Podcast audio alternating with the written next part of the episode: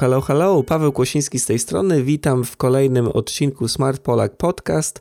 Dzisiaj jedenasty odcinek i porozmawiamy sobie o oszczędzaniu energii elektrycznej i gazu w Wielkiej Brytanii. Może zanim w ogóle zaczniemy, mm, taką wymyśliłem trochę nową formułę, żeby na samym początku kolejnych odcinków porozmawiać sobie jednak chwilę o newsach finansowych z Wielkiej Brytanii, omówić to, co się wydarzyło w ciągu ubiegłego tygodnia albo jakieś zmiany, które się szykują za moment. Następnie będzie właśnie gwóźdź programu, ten główny topik, bardziej szczegółowo go omówić mówię i na samym końcu, jak zawsze, postaram się odpowiedzieć na kilka Waszych pytań. E, no to cóż, zaczynamy od tych newsów finansowych. Chciałbym, żeby to była taka łatwa do przełknięcia pigułka informacji finansowych. Wydaje mi się, że większość osób w gąszczu tych codziennych spraw nie znajduje zwyczajnie czasu na śledzenie tych informacji, a one mogą nam trochę pomóc w planowaniu naszych finansów domowych y, i podejmowaniu lepszych decyzji. Y, akurat w tym tygodniu jest sporo takich niezbyt sympatycznych newsów, ponieważ wzrastają ceny różnych y, produktów i usług. Wydaje mi się, że no, słyszymy cały czas o tej niskiej inflacji. Rzeczywiście hmm, chyba ceny są niskie, ceny paliw na przykład na, na stacjach paliw, e, ceny, tak mi się wydaje, również artykułów spożywczych zatrzymały się przynajmniej, jeżeli nie, nie spadają, ale tu i ówdzie jednak pojawiają się mm, jakieś podwyżki i właśnie chciałem szybko je omówić. Pierwszą z nich jest e, no niewielka e, podwyżka, ale jednak dotyka większości osób chyba. Chodzi mi o tą e, podwyżkę ceny, właściwie uniemożliwienie supermarketom i innym sklepom e,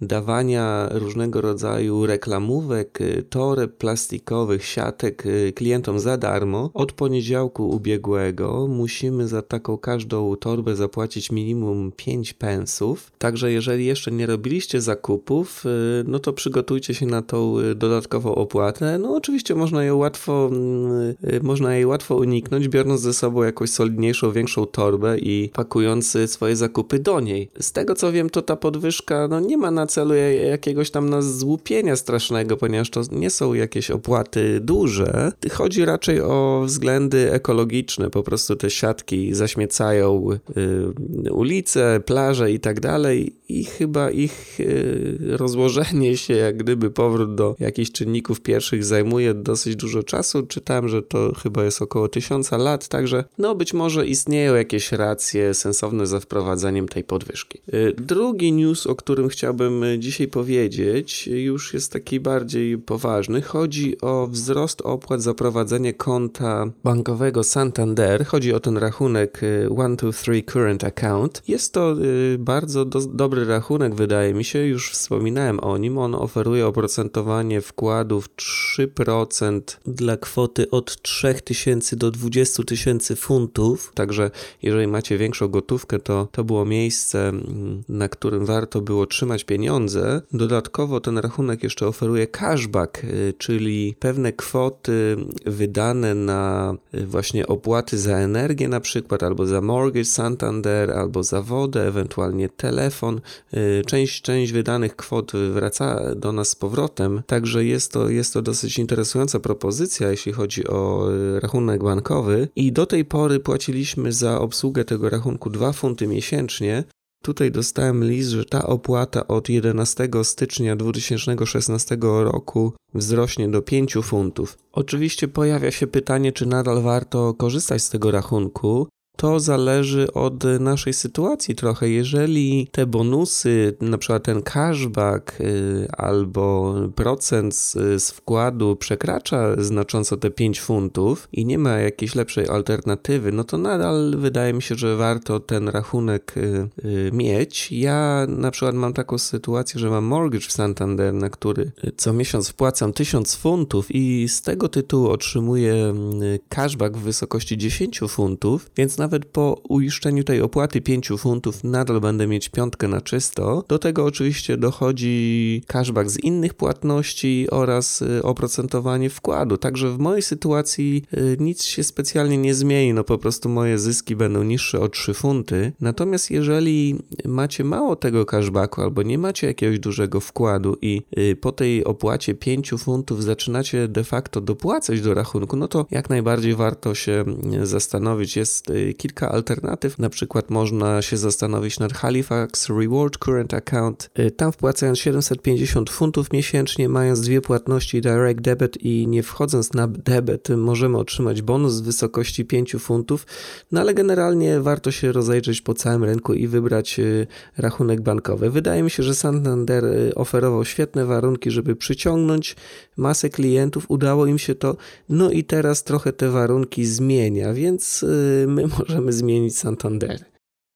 Y, kolejny news, y, kolejna podwyżka niestety. Chodzi o wynajęcie linii telefonicznej w Sky. Jeżeli macie na przykład tam telefon albo internet, to y, od 1 grudnia zapłacicie więcej o jednego funta. Dotychczas płaciliśmy 16,40 miesięcznie, czyli zapłacimy 17 funtów 40 pensów co miesiąc. Tak obserwuję ten rynek trochę internetu i telefonii tej stacjonarnej w UK wydaje mi się, że to jest taka dosyć sprytna taktyka Y, dostawców internetu i telefonii y, tej naziemnej, polegająca na tym, że y, wzrastają ceny za wynajęcie linii telefonicznej, natomiast te firmy chcą przyciągnąć klientów niskimi opłatami za na przykład dostęp do internetu. Czyli dają nam na przykład 6 miesięcy darmowego dostępu, cieszymy się, no ale z drugiej strony musimy zapłacić coraz więcej za line rental. No tutaj jedyną rzeczą, którą możemy zrobić, to wydaje mi się, że jest porównywanie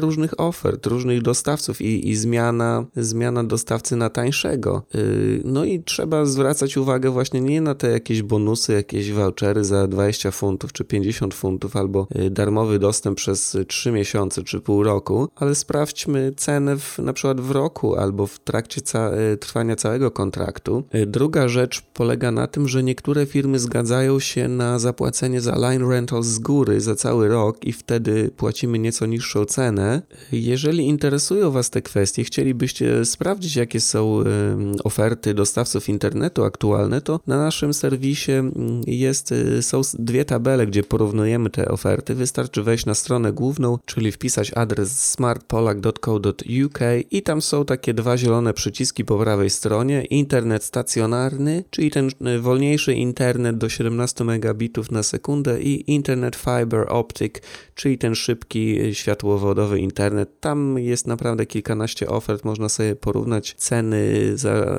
line rental również, także zachęcam Was do, do sprawdzenia, czy nie przepłacacie. No i za kilka tygodni ja może poświęcę całą audycję temu tematowi.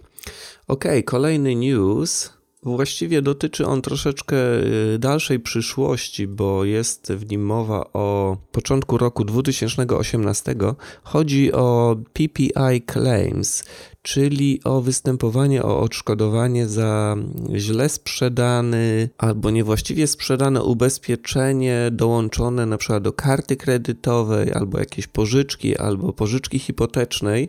Chyba wiecie o co chodzi. Banki i inne instytucje y, dezinformowały klientów, którzy brali przykład pożyczkę, że muszą wykupić dodatkowe ubezpieczenie na wypadek przykład gdy stracą pracę albo z jakichś innych powodów, przykład choroby nie będą mogli spłacać pożyczki, okazało się, że takie ubezpieczenie było swoistego rodzaju opcją, z której można było skorzystać, ale nie, nie było takiego obowiązku. Natomiast pracownicy banków twierdzili, że no słuchaj, no nie udzielimy ci pożyczki, jeżeli nie kupisz ubezpieczenia. Y, czyli wprowadzali klientów w błąd i teraz ci klienci mogą ubiegać się o zwrot y, tych pieniędzy. No chyba wszyscy zainteresowani mniej więcej wiedzą o, o co chodzi w tym wszystkim, ponieważ no jest, jest dużo duża aktywność tych firm, które pomagają w odzyskaniu tego ubezpieczenia, no przy okazji pomagając sobie, bo jest to całkiem intratny biznes, więc, więc chyba wszyscy, którzy mieli to PPI y, wiedzą y, o tym, o takiej możliwości odzyskania pieniędzy. Natomiast w tym tygodniu pojawił się news, y, nie wiem czy tym źródłem był Financial Conduct Authority, taka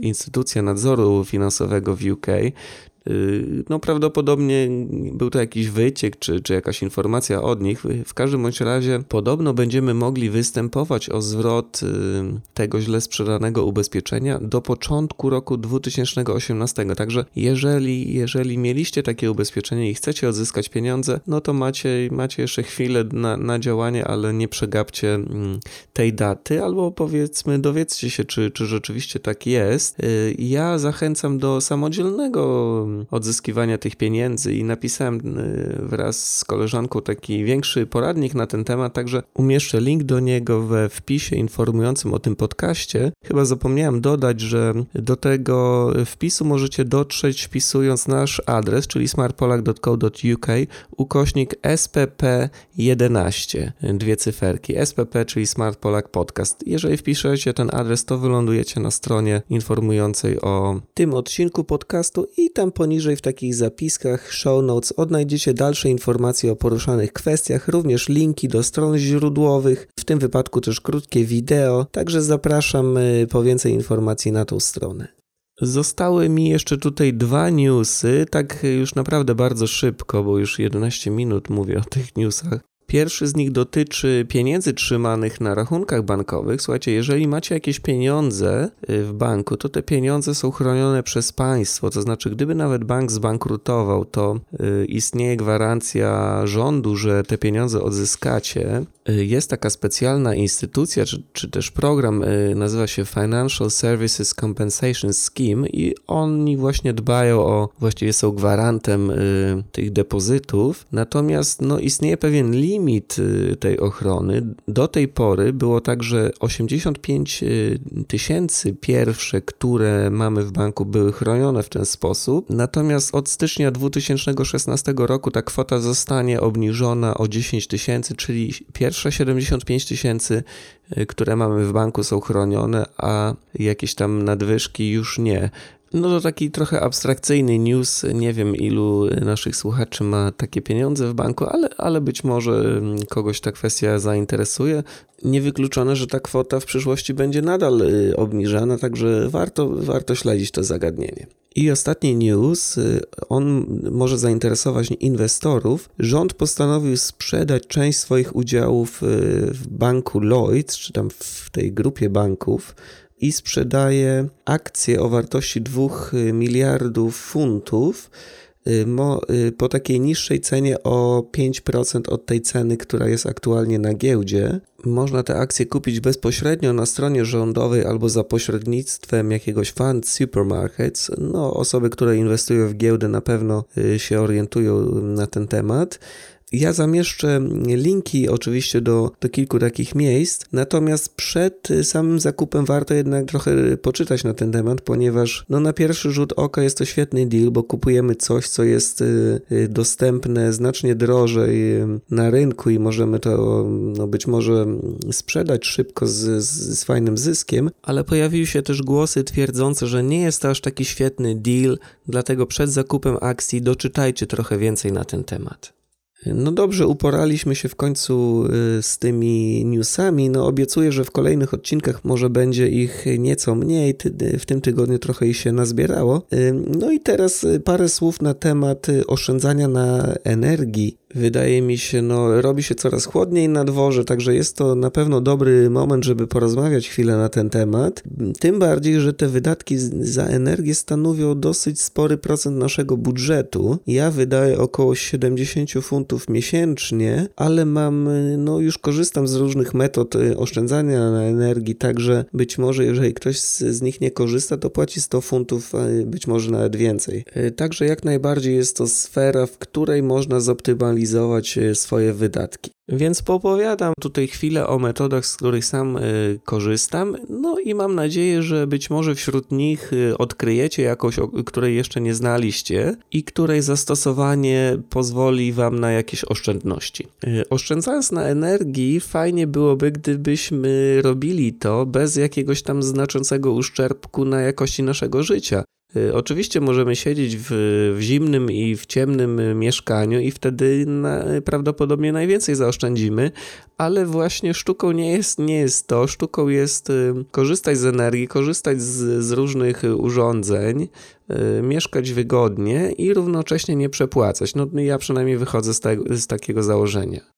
Pierwszą rzeczą, na którą warto zwrócić uwagę, moim zdaniem, jest fakt, że rynek y, gazu i energii elektrycznej w Wielkiej Brytanii jest rozdrobniony. Jest sześć większych firm i kilkanaście, jeśli nie kilkadziesiąt mniejszych, które mogą nam dostarczyć gaz i prąd do domu. I oczywiście każda z tych firm ma różne ceny, są różne taryfy y, prądu i gazu i powinniśmy, moim zdaniem, sprawdzić, kto ma jakie ceny, no i wybrać najtańszych dostawców albo y, w miarę tanich. Zwróćcie uwagę, że przy wyborze tej usługi cena jest y, niemal jedynym kryterium, które powinniśmy wziąć pod uwagę, ponieważ, no słuchajcie, prąd to prąd i gaz to gaz. Y, gaz od BT nie będzie lepszym gazem y, niż od Scottish Power. Podejrzewam, że to jest nawet ten sam produkt, tylko jakoś tam jakieś kwestie formalne może wchodzą w grę.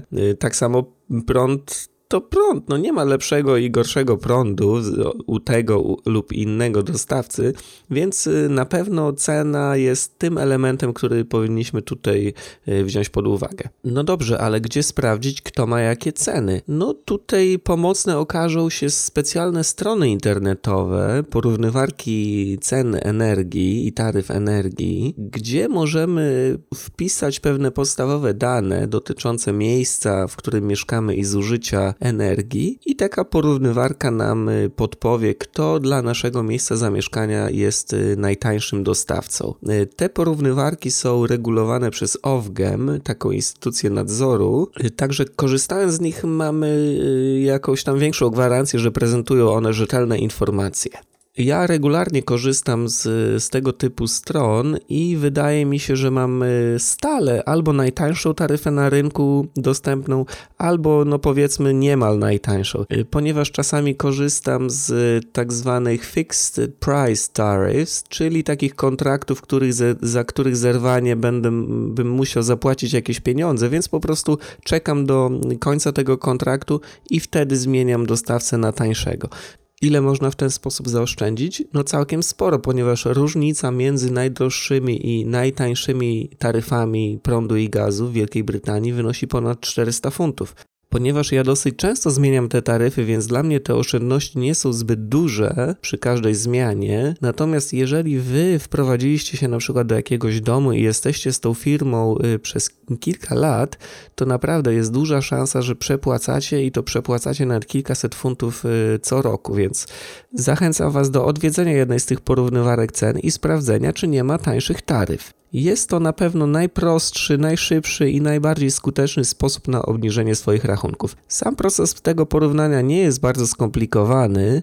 Ja zrobiłem specjalne wideo, które umieszczę w tym wpisie, gdzie tam naprawdę krok po kroku przedstawiam, jak zrobić to porównanie na jednej z tych stron, na stronie USwitch, więc możecie sobie zobaczyć ten filmik. Natomiast chciałbym zwrócić uwagę na dwie rzeczy. Właściwie w tym filmie o nich mówię, ale jeszcze raz tutaj szybko nadmienię. Pierwsza sprawa polega na tym, żeby porównać prąd i gaz y, niezależnie, to znaczy nie wybierać tak zwanej dual tariff, czyli prądu i gazu od jednego dostawcy. Część firm ma na przykład tani prąd, ale drogi gaz i jeżeli porównamy tylko obie taryfy równocześnie, to nasze oszczędności mogą być mniejsze niż y, porównując y, niezależnie. Po prostu naszym zadaniem jest sprawdzenie, kto jest najtańszym dostawcą gazu i ewentualnie podpisanie z nim kontraktu i kto jest najtańszym dostawcą energii elektrycznej i również podpisanie z nim kontraktu. Y, robiąc to, mamy gwarancję, że, że mamy najlepszy deal.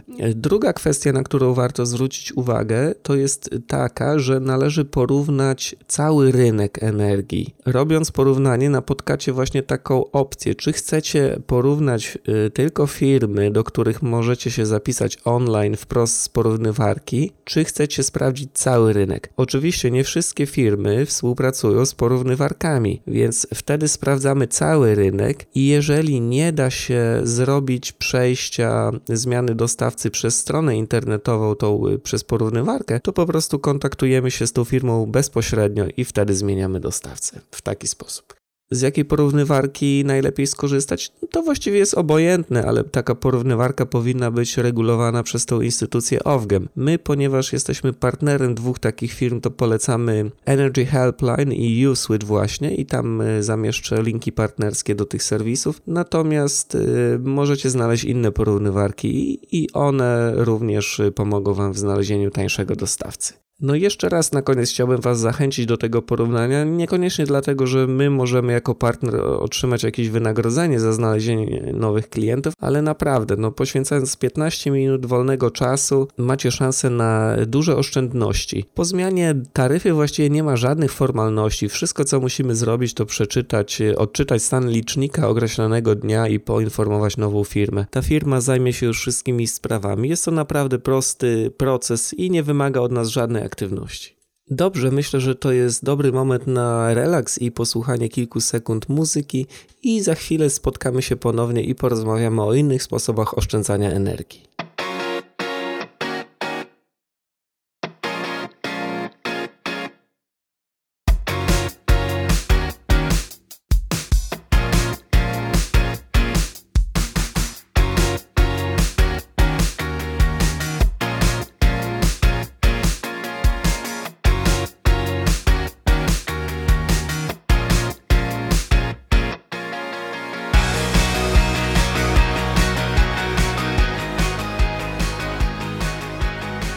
Ponownie. Y, jak wspomniałem, teraz kilka innych sposobów na obniżenie rachunków za energię. No, będę tutaj mówić o próbach y, zmniejszenia zużycia. O ile wcześniej zmieniliśmy sobie dostawcę i mamy już ten y, tani prąd i gaz, o tyle teraz naszym zadaniem będzie no, wprowadzenie w swoim życiu kilku takich zmian, może, może bez drastycznych jakichś poświęceń, ale kilku takich zmian, które pozwolą nam na zmniejszenie zużycia, no i oczywiście obniżenie rachunków. Czasami niektóre z tych sposobów wiążą się z jakąś inwestycją, musimy coś tam na przykład dokupić do domu, ale y, no oczywiście zawsze po kilku miesiącach y, te wydane pieniądze wrócą y, do nas z nawiązką tak się zastanawiałem, od jakich sposobów zacząć, i tak sobie pomyślałem, że może warto skupić się na urządzeniach, które pożerają, że się tak wyrażę, jak najwięcej energii i będą to miejsca, w których najwięcej możemy zaoszczędzić. Wydaje mi się, że takim urządzeniem jest elektryczny prysznic. Najlepiej chyba, żeby w ogóle go nie było i żeby woda mm, gorąca w łazience była nagrzewana przez gazowy boiler. Tak jest y, chyba najtaniej. Wiem, że te baterie mogą mieć y,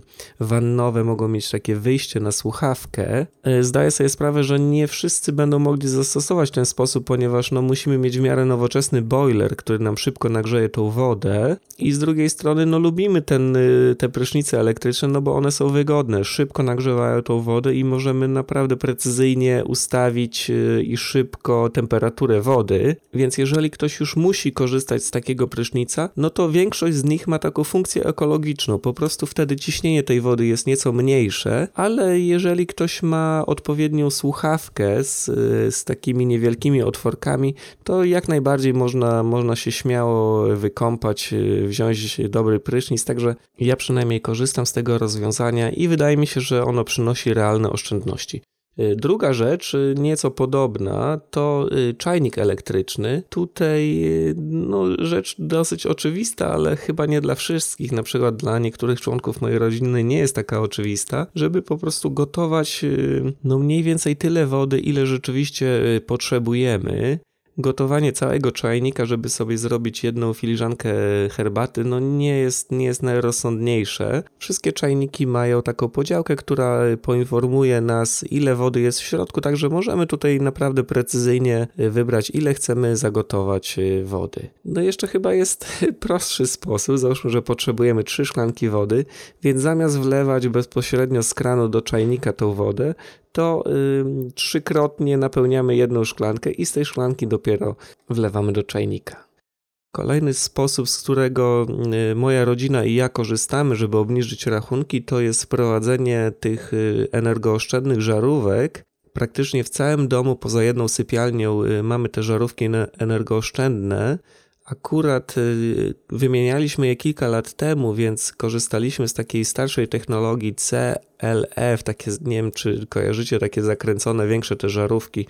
One no, przynoszą pewne oszczędności, ponieważ taka zwykła żarówka 60W Y, jak gdyby odpowiednik y, światła emitowanego z tej żarówki CLF, taka żarówka pobierze nam tylko około 16 watów energii, ale jeżeli y, zdecydujecie się na taką wymianę żarówek, to lepiej wybrać żarówki LEDowe. Po pierwsze, one oszczędzają jeszcze więcej energii, ponieważ taki LEDowy zamiennik tradycyjnej żarówki 60W pobiera tylko około 6 watów. Z drugiej strony te żarówki LEDowe naprawdę one są długowieczne. Niektóre potrafią wytrzymać nawet 50 tysięcy godzin, czyli około 20 lat. No i ich cena, one były kiedyś dosyć drogie, natomiast teraz ich cena sukcesywnie spada z roku na rok, także jeżeli już decydujecie się na wymianę, to sobie kupcie żarówki LEDowe. Ja po prostu teraz czekam, aż jedna z tych żarówek CFL się przepali i wtedy sobie wymienię na, na LEDową. Cóż jeszcze, jakie są inne pomysły? No osobiście korzystam z kilku gadżetów y, oszczędzających energię.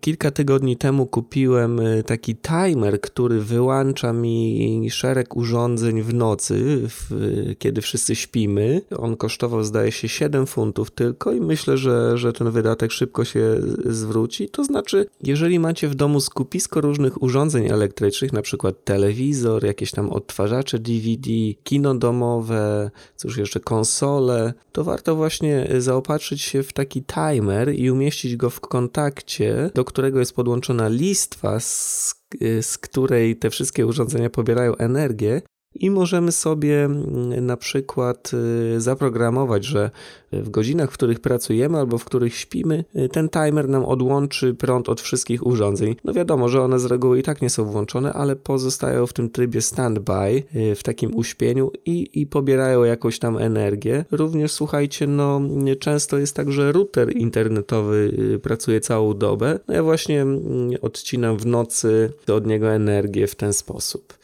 Korzystam też z takiej klawiatury, to właściwie taka informacja, taki gadżet dla osób, które często korzystają z komputera.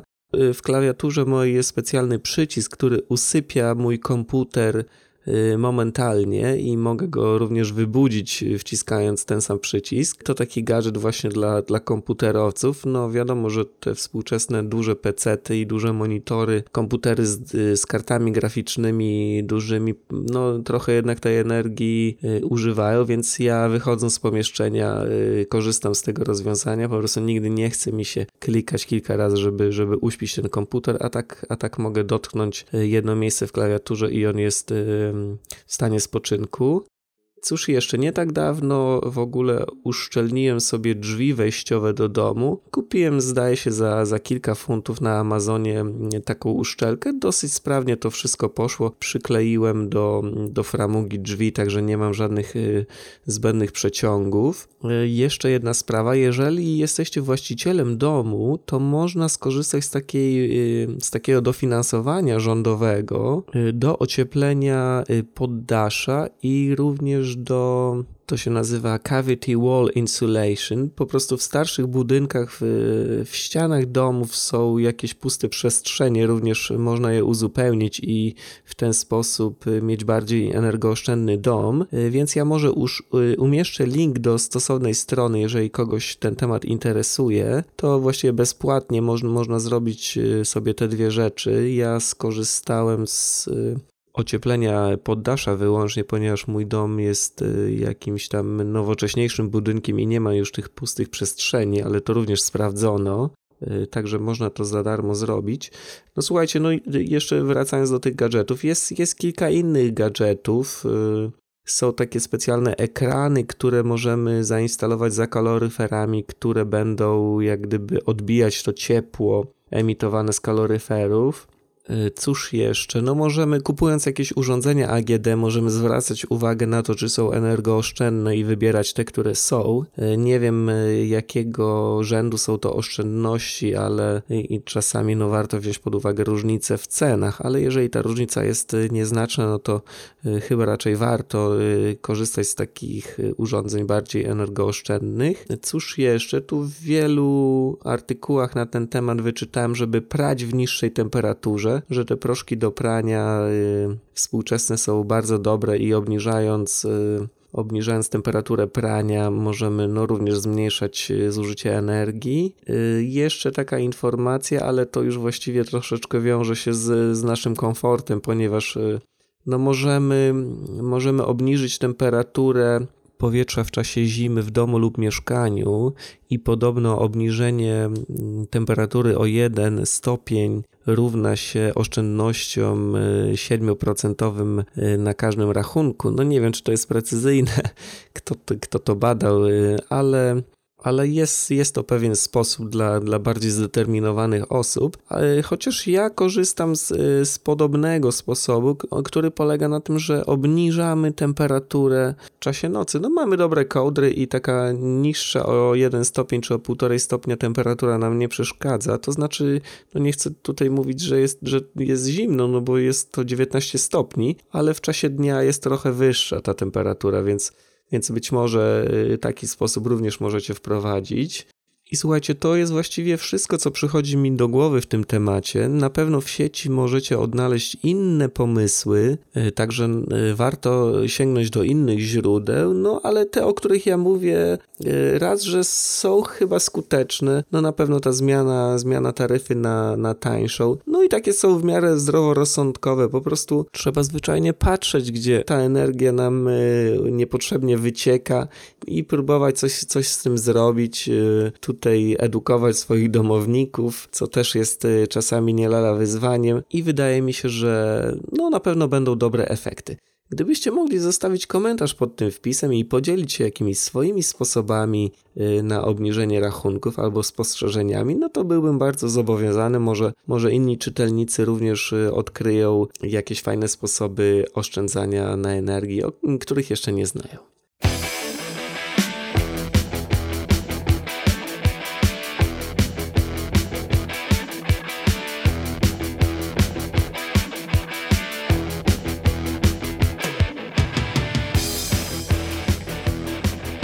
Teraz zgodnie z zapowiedzią odpowiem na Wasze pytania. Przypomnę tylko, jeżeli macie jakieś pytanie dotyczące kwestii finansowych w Wielkiej Brytanii, to możecie przysłać mi maila na adres info.smartpolak.co.uk albo skorzystać z formularza kontaktowego na naszej stronie. Wystarczy z menu wybrać y, zakładkę kontakt i wpisać pytanie. Y, pierwsze pytanie, trochę y, właściwie nie o finansach. Y, Piotrek mi przysłał takie zapytanie dotyczące brytyjskiego obywatelstwa.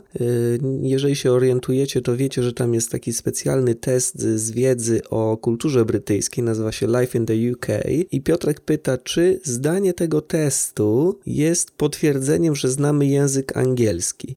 Tak mi się wydawało, że nie jest, ponieważ na stronie gov.uk y, jest to opisane w dwóch miejscach, to znaczy wśród wymagań, które trzeba spełnić, aby zostać brytyjskim obywatelem, y, musimy zdać ten test i również y, udowodnić, że znamy język angielski i to jest opisane jak gdyby w, w dwóch różnych miejscach, więc podejrzewałem, że nie, ale jeszcze chciałem się upewnić, dlatego zadzwoniłem pod taki numer Live in the UK Test Line, no i tam potwierdzono, potwierdzono moje przypuszczenie, że nie. Y, musimy zarówno zdać y, test Life in the UK, jak i zdać jakiś tam test językowy, żeby potwierdzić znajomość języka angielskiego. Y, pytanie, a właściwie komentarz, pytanie od Patryka, który jest młodym kierowcą i który chciał ubezpieczyć swój samochód. Odkrył, że ubezpieczenie jest strasznie drogie, dlatego jego tata ubezpieczył ten samochód, a on jest ubezpieczony jako drugi kierowca. Patryk pyta, czy to jest ok. No nie do końca, Patryk. Jeżeli tata jest głównym kierowcą na ubezpieczeniu, a w ogóle nie jeździ tym samochodem, no to jest, to ma taką swoją nazwę, to się nazywa fronting. Jest to jakieś tam wykroczenie, jeśli nie przestępstwo ubezpieczeniowe i jeżeli odpukać doszłoby do jakiegoś wypadku z, tw z twoim udziałem, to firma ubezpieczeniowa by prawdopodobnie przyjrzała się temu bardziej wnikliwie, no i mogłoby to skończyć się niezbyt przyjemnie zarówno dla ciebie, jak i dla twojego taty. Y, wydaje mi się, że tym bardziej, że ty jesteś y, właścicielem tego auta, więc y, raczej, raczej bym tutaj doradzał, żebyś jednak ubezpieczył na siebie ten samochód. W naszym serwisie mamy specjalny artykuł dla młodych kierowców, taki poradnik, jak obniżyć cenę za ubezpieczenie samochodu, więc może tam odnajdziesz więcej informacji.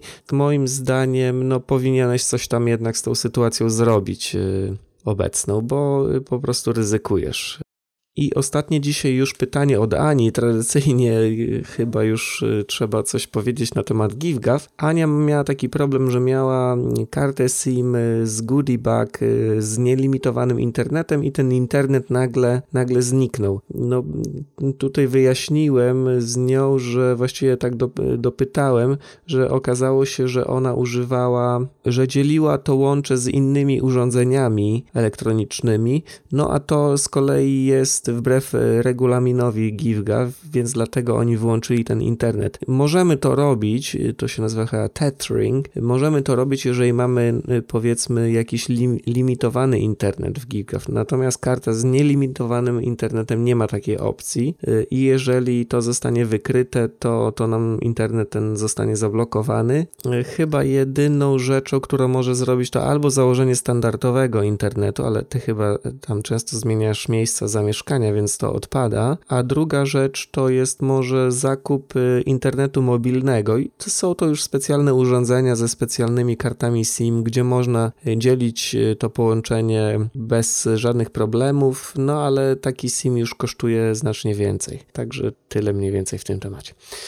I to właściwie już wszystko w jedenastym odcinku y, tego podcastu. Y, dziękuję wszystkim za odwiedzanie naszej strony internetowej, za korzystanie z informacji, korzystanie z linków partnerskich. Dzięki temu ten serwis może działać. I jeszcze może takie szybkie ogłoszenie. Gdybyście chcieli na przykład napisać jakiś artykuł o fajnym sposobie na oszczędzanie albo zarabianie pieniędzy, podzielić się informacjami z innymi Polakami mieszkającymi w UK, to absolutnie y, proszę się ze mną skontaktować i ja z chęcią umożliwię taką publikację, no chyba, żeby ona była jakąś y, tam reklamą y, tylko mm, danej firmy, no to wtedy już niekoniecznie, ale tak y, mówiąc serio, gdyby jeszcze na przykład ktoś chciał podjąć sta stałą współpracę i chciał pisać regularnie na te tematy finansowe, no to jak najbardziej zachęcam do kontaktu. To tyle tym razem, spotykamy się za dwa tygodnie w okolicach piątku.